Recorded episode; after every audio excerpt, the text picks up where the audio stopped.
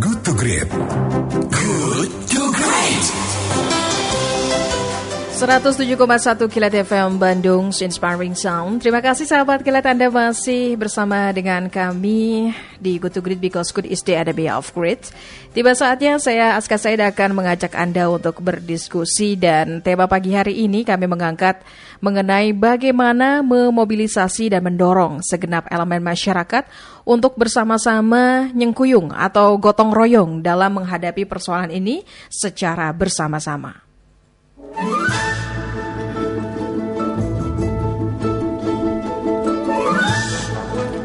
Peneliti senior Institute Developing Entrepreneurship, Sutrisno Iwantono meminta pengusaha tidak hanya memikirkan diri sendiri dengan terus meminta insentif dampak virus corona atau COVID-19.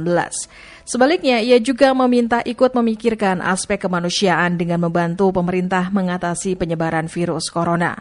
Iwanto mengakui bahwa kasus COVID-19 mempunyai dampak ekonomi.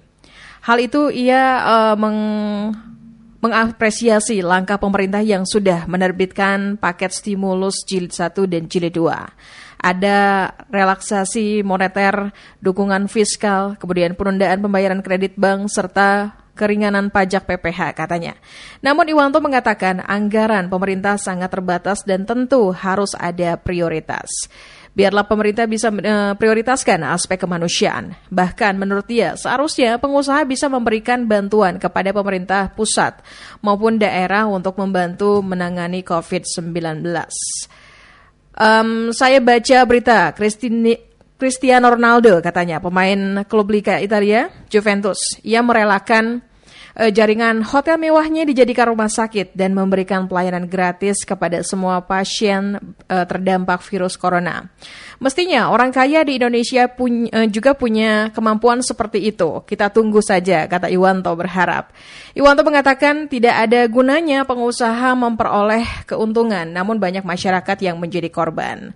Lebih baik fokus pencegahan penyebaran COVID-19 ini diprioritaskan agar tidak menjadi bencana kemanusiaan. Apalagi katanya saat ini ada kritik dan keluhan dari masyarakat bahwa rumah sakit dan tenaga medis belum siap. Banyak orang ingin uh, tes terinfeksi atau tidak, tetapi tidak terlayani dengan baik. Bahkan masyarakat juga kesulitan mencari masker dan hand sanitizer. Mencari infrared termometer sulit sekali walaupun ada walaupun ada barangnya harganya selangit dan harus menunggu pesanan yang memerlukan waktu yang cukup lama. Lantas dalam situasi darurat nasional menghadapi virus corona, bagaimana memobilisasi dan mendorong segenap elemen masyarakat untuk bersama-sama gotong royong dalam menghadapi persoalan ini secara bersama-sama. Nah, untuk diskusi kali ini kami menghadirkan narasumber yaitu Bapak Dr. Saifur Rahman M. Hum, budayawan dan ahli filsafat Universitas Negeri Jakarta.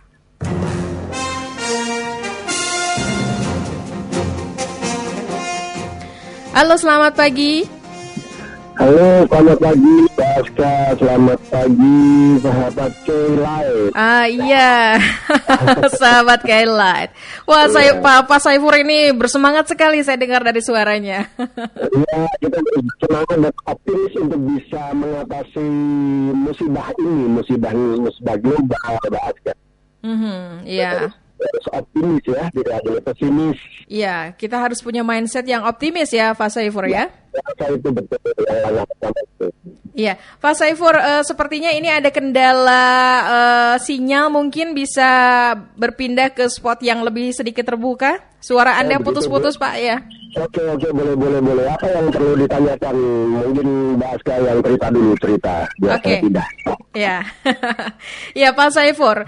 Indonesia saat ini tengah menghadapi uh, fase uh, kritis virus corona. Bagaimana memobilisasi dan mendorong segenap elemen masyarakat untuk bersama-sama gotong royong dalam menghadapi persoalan ini, Pak Saifur? Iya. Saya rasa itu pertanyaan yang bagus. Sudah cukup jelas. Ini ditunggu-tunggu Mbak Aska. Ya, Jadi ya. yang pertama adalah tentang tentang masalah masalah kasus penyakit ini dari ikatan sosial dari social bond menjadi social distance. Mm -hmm.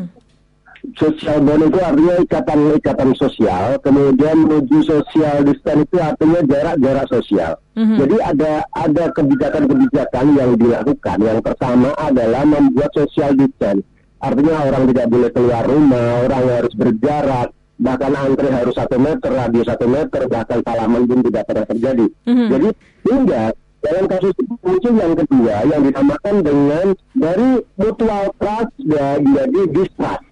Mm-hmm. Artinya yang semula ikatan-ikatan yang dibangun untuk saling percaya di tengah-tengah masyarakat dalam konteks komunikasi sosial itu terjadi distrust. Jadi tidak percaya. Eh jangan-jangan ini kena virus. Hmm. Begitu bersin, begitu kita kita lari pada orang. Begitu antri tiket, ada orang bersin, kemudian, wah ini berarti corona. Nah, ini yang yang sesungguhnya terjadi pada pada masyarakat kita sekarang ini.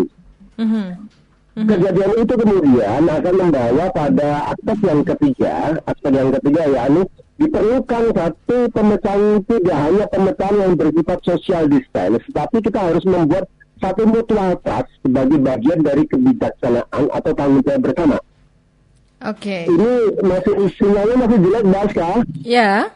Masih jelas ya? Uh, agak ini ya, agak sember suaranya. Ya. Mungkin agak dikasih jarak Pak sedikit dari handphonenya. Ya, ini sudah jaraknya berarti 50 cm. Ya. Yang, yang ketiga ini adalah filsafat kepemimpinan. Kita memerlukan satu filsafat kepemimpinan. Artinya apa? Yang sosok Klodo yang di depan itu memberikan teladan. Aha. Yang di depan itu memberikan teladan jangan berkata bahwasanya kita kebal dengan virus corona karena kita kan suka makan nasi kucing begitu kan? Karena kita makan nasi kucing akhirnya kita kemudian tidak memiliki mutu apa asalnya ya kena kena dampaknya. Uh-huh. nah, tidak ada tidak ada keteladanan yang dimiliki oleh oleh oleh para pemimpin. Kemudian yang kedua dalam, dalam aspek kelas sosial menengah ini kelas sosial menengah mereka, mereka lebih mem memamerkan bahwa dia sudah pergi jalan-jalan ke berbagai negara kemudian di diupload di Instagram. Nasional bahwa dia telah pergi ke sana kemari dan mau mau hamil itunya dan sebagainya. Tapi dia tidak memiliki tanggung jawab sosial. Hmm. bagaimana uang yang sebanyak itu yang diperoleh dari MC dari sesuatu yang yang yang bersifat glamour itu tidak dimanfaatkan untuk memperoleh nilai kemanusiaan. Hmm. nah itu yang tidak menolak kelas sosial. Yang ketiga saya rasa yang paling penting adalah bagian masyarakat kecil, masyarakat kecil kiranya membantu untuk untuk membangun mutual trust ini. Bahwa ini bukan tanggung jawab si penderita itu sendiri, tetapi ini adalah tanggung jawab bersama. Saya rasa yang paling pentingnya adalah adalah tiga hal itu, Mbak. Sehingga kalau itu sampai tidak tidak terpahami, kita jangan hanya sampai membangun rumah sakit saja, membuat kebijakan-kebijakan sosial distance saja, tetapi semangat, orientasi, ideologi, bahkan keyakinan-keyakinan dan kepercayaan dalam masyarakat kita mm-hmm. itu tidak dibangun. Saya rasa inilah yang paling penting di dalam dalam mengatasi pandemi corona ini. Demikian Mbak Adka. Iya, Pak Saifur, menurut Anda hingga saat ini sudah adakah narasi di tengah pandemi corona ini bahwa di tengah kedukaan saatnya semua pihak untuk berempati. Siapa yang menurut Anda yang mesti memobilisasi dan menarasikan itu Pak Saifur? Ya, saya rasa ini pertanyaan yang bagus. Siapa yang siapa yang bertanggung jawab? Saya rasa pertanyaan ini yang pertama-tama harus kita memiliki satu perspektif yang yang yang baru bahwa kita itu dari sosial epistemologi yang bersifat individual mm-hmm. menjadi sosial epistemologi yang bersifat sosial. Artinya dari tanggung jawab pribadi menuju tanggung jawab bersama. Dalam konteks tanggung jawab bersama ini kita harus mencetuskan sebuah wacana baru tentang masalah masyarakat yang prihatin. Prihatin itu perih hatinya.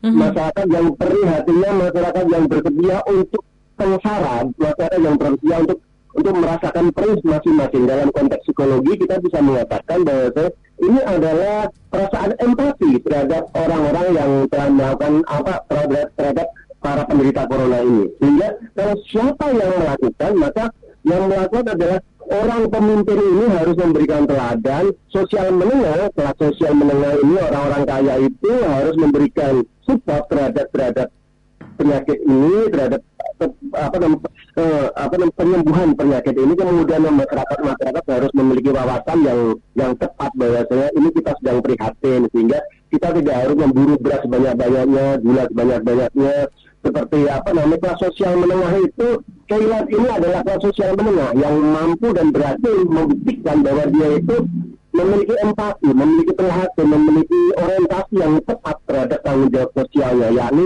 ikut serta memobilisasi, menyadarkan masyarakat. Saya rasa ini ini adalah topik yang sangat bagus untuk untuk sahabat nilai. Mhm, Demikian mhm. Mbak. Oke, Pak Saifur, ini terkait Ya. sikap empati ini ya, kita bisa uh, berkaca dari beberapa pihak di luar sana ya, seperti Ya. di Perancis ada perusahaan barang-barang mewah yang memproduksi hand sanitizer, bahkan mereka mengesampingkan produksi parfum mewahnya. Kemudian juga uh, uh, uh, apa perusahaan-perusahaan mewah lainnya juga untuk turut Iya. membantu pemerintah memberantas virus corona bahkan uh, Christine uh, Chris- Cristiano Ronaldo juga ya dikabarkan mengubah hotel yang dia miliki menjadi rumah sakit untuk membantu penanganan virus corona. Sementara di Indonesia eh, ini ada sebuah brand produk obat Ya, ini malah menjual masker jauh lebih mahal gitu ya. Di Indonesia malah sebaik sebaliknya gitu. Nah, ini bagaimana eh, memunculkan dan memunculkan sosok-sosok seperti itu Pak di Indonesia? Iya, itu pertanyaan yang bagus ya. Sehingga yang kita sekarang ini kan ketika ketika ideologi atau kepercayaan kita, ketika buah apple itu bukan lagi harus dimakan, tetapi harus buat telepon, itu saya rasa apa namanya ideologi-ideologi kapitalisme itu sudah mulai berjalan dan ideologi-ideologi yang pokoknya yang penting uang, yang penting saya mengejar uang, yang penting saya bisa kaya, saya bisa populer, memiliki 10 juta follower dan sebagainya itu adalah ideologi-ideologi yang beberapa hari yang lalu, beberapa hari yang lalu merupakan bagian yang dominan. Sehingga di Indonesia sekarang ini kita melihat kelas sosial menengah tidak memiliki kecermatan, tidak memiliki perhatian yang sama. Kita melihat di pihak hotel sekarang misalnya, dia hanya me- menjelaskan bahwa we waiving cancellation fee. Artinya kita tidak memungut biaya biaya cancel untuk biaya hotel. Itu saja yang paling jauh yang dilakukan oleh pihak-pihak perhotelan. Tetapi dia tidak mampu melakukan menginisiasi, mengakomodasi tentang berbagai gejala-gejala yang ada di masyarakat.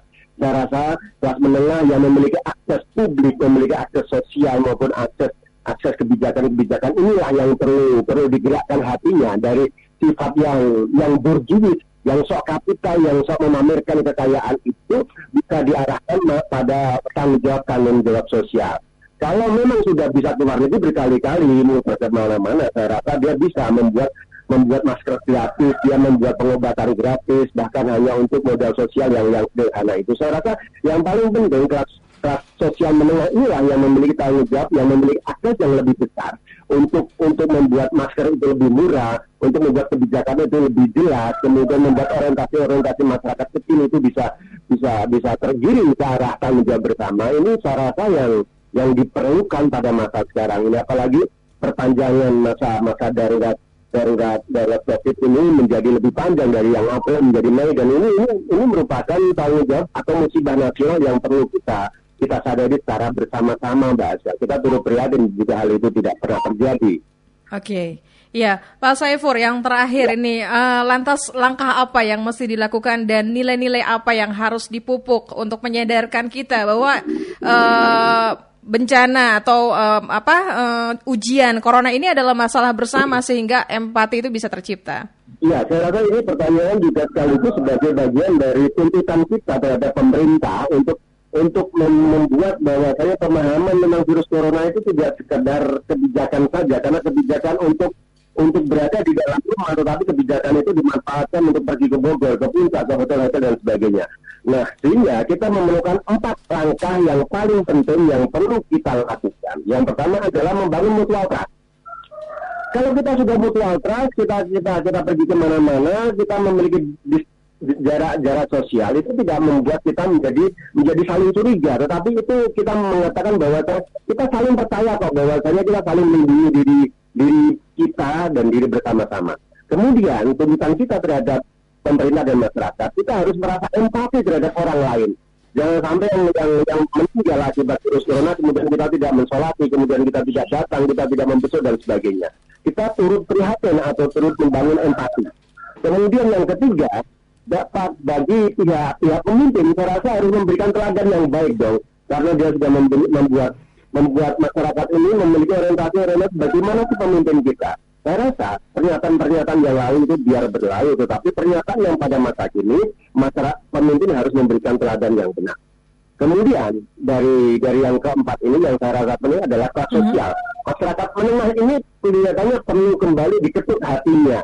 Tidak hanya sekedar sekedar apa namanya iklan-iklan di di media sosial, media televisi, tetapi kita harus membangun mindset yang bersama-sama bahwa virtual trust ini penting loh. Keprihatinan ini penting loh. Empati ini penting. Saya rasa inilah pemahaman-pemahaman yang diperlukan pada masa sekarang ini. Bagaimana mindset sosial, semangat sosial sehingga kita tidak sekadar pesimis terhadap kenyataan yang sekarang ini, tapi kita harus membangun optimisme.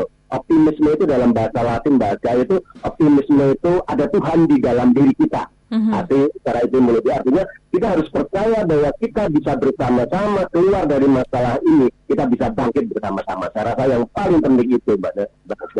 Baik, terima kasih Pak Saifur untuk perbincangan kita di pagi hari ini. Semoga Oke. eh, obrolan kita bisa membangkitkan, memobilisasi dan mendorong segenap elemen masyarakat untuk bersama-sama gotong royong ya dalam menghadapi persoalan ini.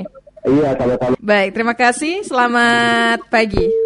Ya, sahabat kira demikian perbincangan kita bersama dengan Dr. Saifur Rahman M. Hum, budayawan dan ahli filsafat Universitas Negeri Jakarta.